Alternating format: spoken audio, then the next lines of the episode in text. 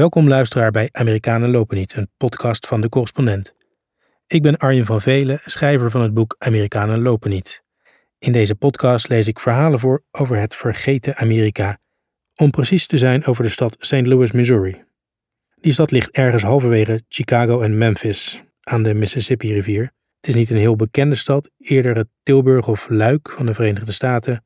Maar ik heb er twee jaar gewoond en ik ben ervan overtuigd geraakt dat als je het Amerika van nu wilt begrijpen, dat je dan veel beter in St. Louis kunt beginnen dan bijvoorbeeld in New York City. Zelf ontdekte ik deze stad een paar jaar geleden, door stom toeval eigenlijk. Mijn geliefde vond hier een baan. St. Louis kende ik toen nog niet. Ik wist niet veel meer dan dat je hier de St. Louis Cardinals had, de beroemde honkbalclub, en dat de Budweiser brouwerijen er hun hoofdkwartier hadden. Een stad waar nooit iets gebeurt, dacht ik. Maar vrijwel vanaf dag één was ik geschokt door wat ik hier aantrof, met name die extreme ongelijkheid in deze stad, die absurde kloof tussen rijk en arm, wit en zwart, stad en platteland.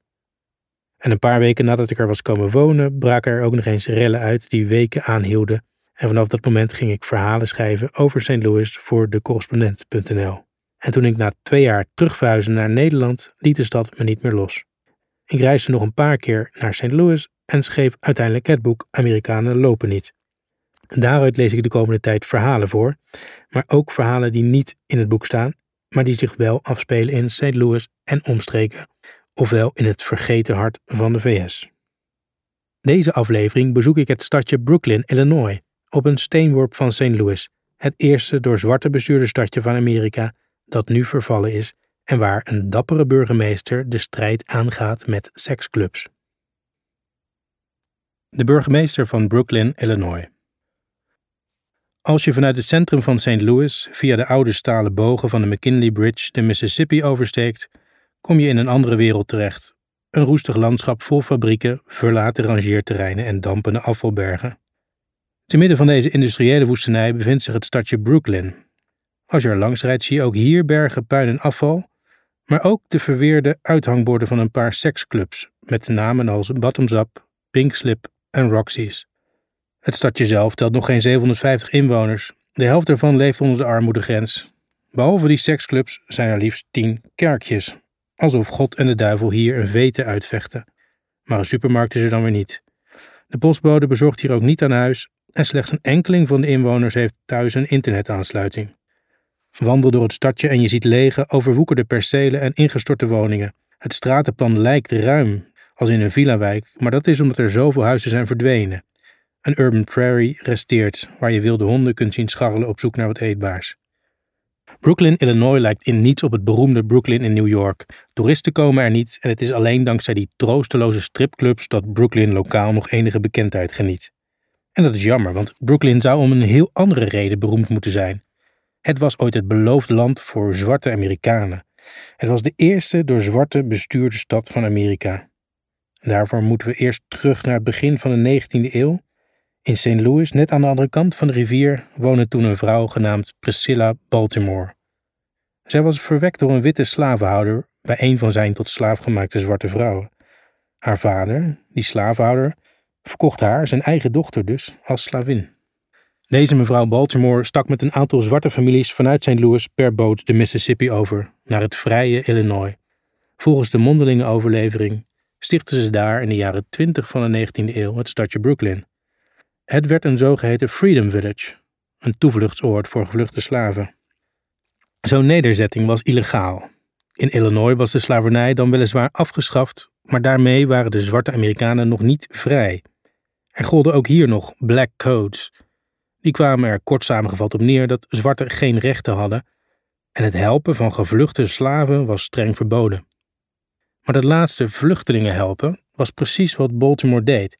Haar stadje en de zwarte methodistenkerk die er zat, vormden een knooppunt in de zogenoemde Underground Railroad, het netwerk van vluchtplekken waarlangs slaven vanuit het zuiden van de VS naar het noorden trokken. Tussen 1800 en 1900 zijn er in Amerika zo'n 100 van zulke Freedom Villages ontstaan. Dat haal ik uit een boek over Brooklyn, America's First Black Town. Deze Freedom Villages waren meer dan alleen toevluchtsoorden. Het waren ook dromen en idealen. Die stadjes moesten aantonen dat zwarte wel degelijk leiding konden geven. Het waren zwarte utopia's. De meeste van die droomstadjes zijn verdwenen. Maar Brooklyn bestaat nog en tot ongeveer de jaren 50 van de vorige eeuw was het een succesverhaal. In die tijd telde Brooklyn ongeveer 4000 inwoners. Er waren winkels, scholen, dokters. Er was werk in de industrie in de omliggende steden, bijvoorbeeld de vleesfabriek in East St. Louis. Rassenrellen, zoals die er in St. Louis waren geweest, bleven Brooklyn altijd bespaard. Er was nooit raciale onrust in Brooklyn, want er was maar één ras, aldus Eli Schoen in Tales of an All-Night Town, een boek over Brooklyn uit 1979. Toen begin jaren 60 veel fabrieken dichtgingen, raakte de hele regio in verval. Maar Brooklyn werd extra zwaar getroffen. Er was geen ander werk. Hier breekte zich het feit dat het zwarte stadje steeds was overgeslagen bij investeringen of vestigingen van fabrieken. Het stadje leverde alleen de arbeiders. Dat was geen toeval, al dus het eerder genoemde boek America's First Black Town. Geen enkele van die honderden Freedom Villages slaagde er bijvoorbeeld in om een treinstation binnen de gemeentegrenzen te krijgen. Racial capitalism luidt de conclusie van het boek. Racistisch kapitalisme. Bewoners trokken weg uit Brooklyn nu er geen werk was. Het stadje werd opnieuw een vrijplaats, maar dit keer voor loesje zaken. Eind jaren 60 kwamen de stripclubs. Die clubs brachten wat bedrijvigheid en wat belastinginkomsten, maar ze brachten ook misdaad en drugshandel en illegale prostitutie. Tegenwoordig leveren die clubs ongeveer driekwart van de belastinginkomsten, becijferde de lokale krant St. Louis Post-Dispatch in 2007. Rondom de stad is nog wel industriële bedrijvigheid, maar net buiten de gemeentegrenzen. Symbolisch zijn de spoorlijnen die de stad soms wel een half uur lang letterlijk afsnijden van de buitenwereld als er weer eens een trage goederentrein passeert.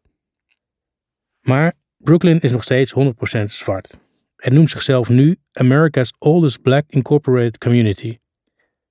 Founded by chance, sustained by courage, luidt nog altijd het stadsmotto van Brooklyn. Gesticht door toeval, ondersteund door moed. En het indrukwekkende is, er zijn nog steeds mensen die die moed willen opbrengen. Mensen die die idealen van Priscilla Baltimore hoog houden. Zo iemand is Vera Glasper Banks, 69 jaar oud, de nieuwe trotse burgemeester van Brooklyn. Ik ontmoette haar toevallig. Ik belde het gemeentehuis op op zoek naar informatie over de geschiedenis van het stadje en de burgemeester zelf nam op. Glasper Banks werd hier geboren. Ze verliet de stad op haar vijftiende omdat ze zwanger was en ongetrouwd, destijds een schande. En ze kwam in Seattle terecht, waar ze werk vond in de Boeing-fabriek, eerst aan de lopende band en later als opzichter. Op haar 55ste keerde ze terug naar Brooklyn om voor haar zieke moeder te zorgen. Ze had een pensioen van Boeing, maar ze kon niet stilzitten en ging in een bar aan de slag. En weer later rolde ze de politiek in. In 2013 deed ze mee aan de burgemeestersverkiezing. Together we can restore Brooklyn to what it once was, zei ze tijdens de campagne. Ze bedoelde de gloriedagen uit haar jeugd, toen Brooklyn een volwaardig stadje was. Ze zei ook: we moeten beginnen met kleine dingen: gaten in de weg repareren, afval opruimen, straatnaambordjes ophangen, zodat ambulances niet verdwalen. Bij haar aantreden zat er 100 dollar in de gemeentekas. Een paar dagen na dat telefoongesprek ontvangt de burgemeester me in het gemeentehuis annex politiebureau. Ze raadt me af alleen door Brooklyn te wandelen. Een witte man die door het stadje loopt, dat valt hier op. Dat is onveilig. Dus lopen we samen door het stadje. We lopen eerst naar de oorspronkelijke Freedom Village, het noorden van het stadje. Daar staat een oud kerkje uit 1839, herbouwd in 1878. Het oudste gebouw in de wijde omtrek. Hier zaten gevluchte slaven ondergedoken, zegt ze. Ze wil een gedenkbord plaatsen, daar waar nu een ingestort woonhuis staat. De wereld moet weten dat Brooklyn meer is dan seksclubs, vindt Clasper Banks. Veel verleden is er niet meer. Het stadsarchief ging ooit in vlammen op. Waarom het stadje Brooklyn heet, is onbekend. Brooklyn in New York komt van het Nederlandse breukelen, maar die link is er hier in elk geval niet. Ook de oude begraafplaats aan de rand van het dorp is verwaarloosd. Er liggen nog wat zerken uit de slaventijd.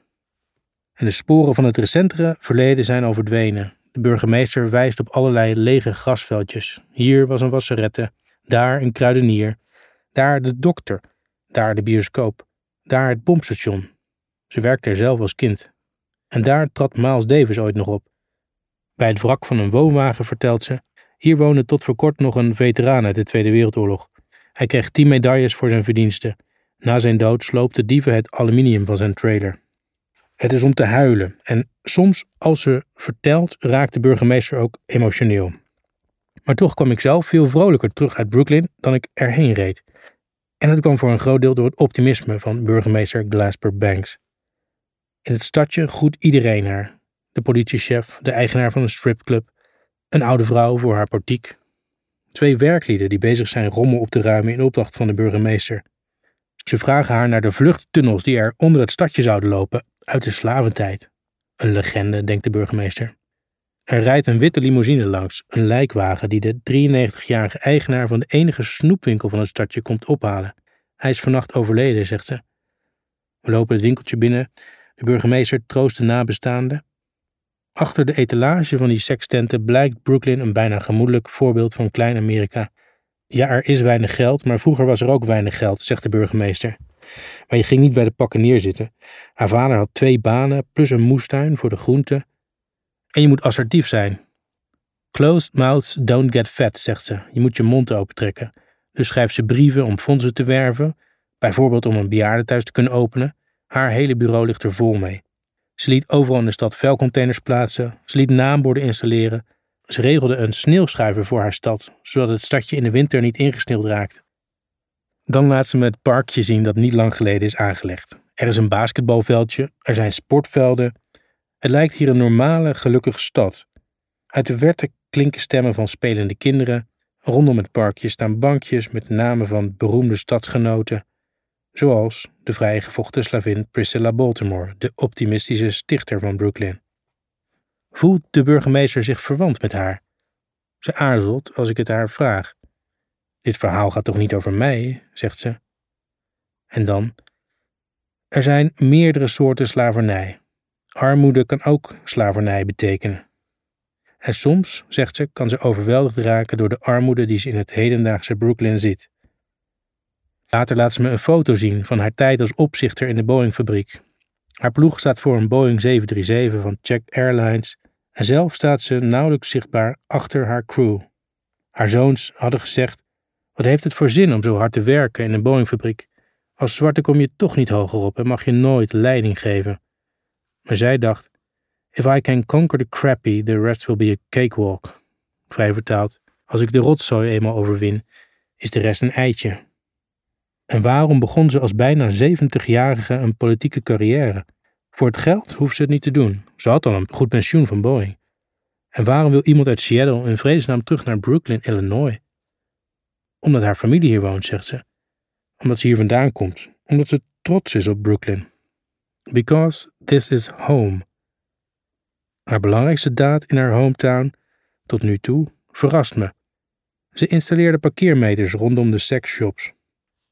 In Seattle, waar ze eerder woonde, moest ze overal betalen om te parkeren. Als het daar kan, zegt ze, then I can charge to park in the streets of Brooklyn. Ze toont me de parkeermeters in de straten rondom de clubs. Elk weekend overspoelen honderden sekstoeristen het stadje. Kassa voor Brooklyn. En mede dankzij die parkeermeters zit er inmiddels al bijna een ton in de gemeentekast. Dit was Amerikanen lopen niet, een podcast van de correspondent. Ik ben Arjen van Velen. Wil je meer verhalen vanuit het hart van Amerika? Lees dan mijn gelijknamige boek Amerikanen lopen niet, uitgegeven door De Correspondent. Of ga naar mijn pagina op decorrespondent.nl slash Arjen van Velen. Daar vind je alle verhalen die ik voorlees terug, inclusief foto's en verwijzingen. En daar kun je, als je wil, ook met me in gesprek over Amerika of over deze verhalen. Je vindt de link ook in de show notes. Voor nu bedankt voor het luisteren en graag tot een volgende keer.